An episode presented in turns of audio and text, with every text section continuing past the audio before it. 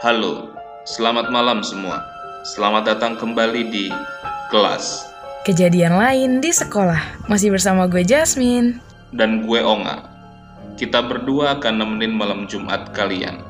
Jadi, siapin cemilan dan jangan lupa gunain headset kalian. Sebelumnya, kita mau berterima kasih untuk Podkece yang udah dengerin episode perdana kita. Sambutan positif dari Podkece membuat kita makin semangat lagi untuk nemenin teman-teman Podkece di setiap malam Jumatnya. Nah, untuk episode kedua ini, kita punya narasumber yang mau berbagi kejadian lain di sekolahnya nih teman-teman. Narasumber ini mengaku kalau dia bisa. Bisa apa tuh kak? Dia bisa ngerasain, ngedenger, bahkan bisa interaksi dengan sosok lain di sekitar kita. Um, sebelum nyeritain kejadiannya, kayaknya narasumbernya memperkenalkan diri dulu deh. Halo teman-teman podcast gue Chelsea. Sekarang gue masih sekolah di SMK di daerah Jakarta Barat juga.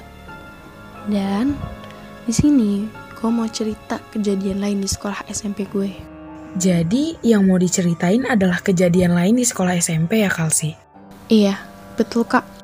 Ya udah, sebelum kita dengerin kisahnya Kalsi, gue ingetin lagi ke teman-teman Podkece, kalau ada yang mau berbagi kejadian lain di sekolah, bisa komen di Instagram dan Twitter kita di @pojok underscore. Ingat, kejadian lain di sekolahnya harus kejadian nyata ya. Jadi gimana Kalsi ceritanya? Jadi awalnya gue nggak tahu dan nggak ngerti kalau gue bisa melihat, dengar, bahkan interaksi dengan hal-hal kayak gitu. Jadi pernah suatu ketika di jam belajar, gue pengen ke toilet untuk buang air kecil. Karena gue yang pendiam dan tertutup, jadi gue sama sekali gak ada temen deket. Jadi ya, gue pergi izin ke toilet sendirian. Gue inget banget itu toilet di sudut bangunan lantai dua. Awalnya gue biasa aja masuk ke toilet. Pas gue lagi buang air kecil, perasaan gue mulai gak enak. Gue coba nenangin diri, tapi perasaan gue makin gak enak. Gue ngerasa banget kayak ada yang merhatiin dari atas gue. Gue gak pengen nengok tapi rasa penasaran maksa gue buat noleh ke atas. Sebelum gue noleh ke atas, tiba-tiba gue dengar suara cewek nangis. Langsung gue ketakutan. Keberanian gue buat noleh ke atas udah hilang. Gue mulai ketakutan. Suara nangis tadi makin kenceng dan makin kenceng. Sampai gue selesai buang air kecil. Gue berusaha secepat mungkin gue keluar dari toilet. Tiba-tiba suara tangisan tadi berubah jadi ketawa yang nyeremin banget. Gue langsung buru-buru lari ke atas. Di kelas, temen-temen gue bingung ngeliat muka gue yang pucat karena ketakutan.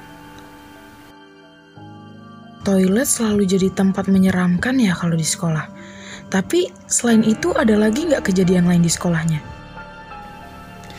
Setelah kejadian itu, gue sadarin kalau ternyata gue bisa. Yang paling horor menurut gue di sekolah itu, gue sering banget denger bayi nangis hampir di semua tempat. Tapi setelah kejadian itu semua, gue malah berteman sama makhluk-makhluk lain di sekolah itu. Malah sampai temen-temen gue banyak yang ngejauhin gue karena ngerasa gue aneh karena sering ngobrol sendiri.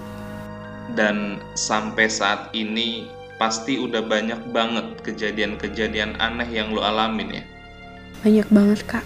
Cuma ya kadang hal-hal kayak gitu gak bisa gue cerita ke siapa-siapa.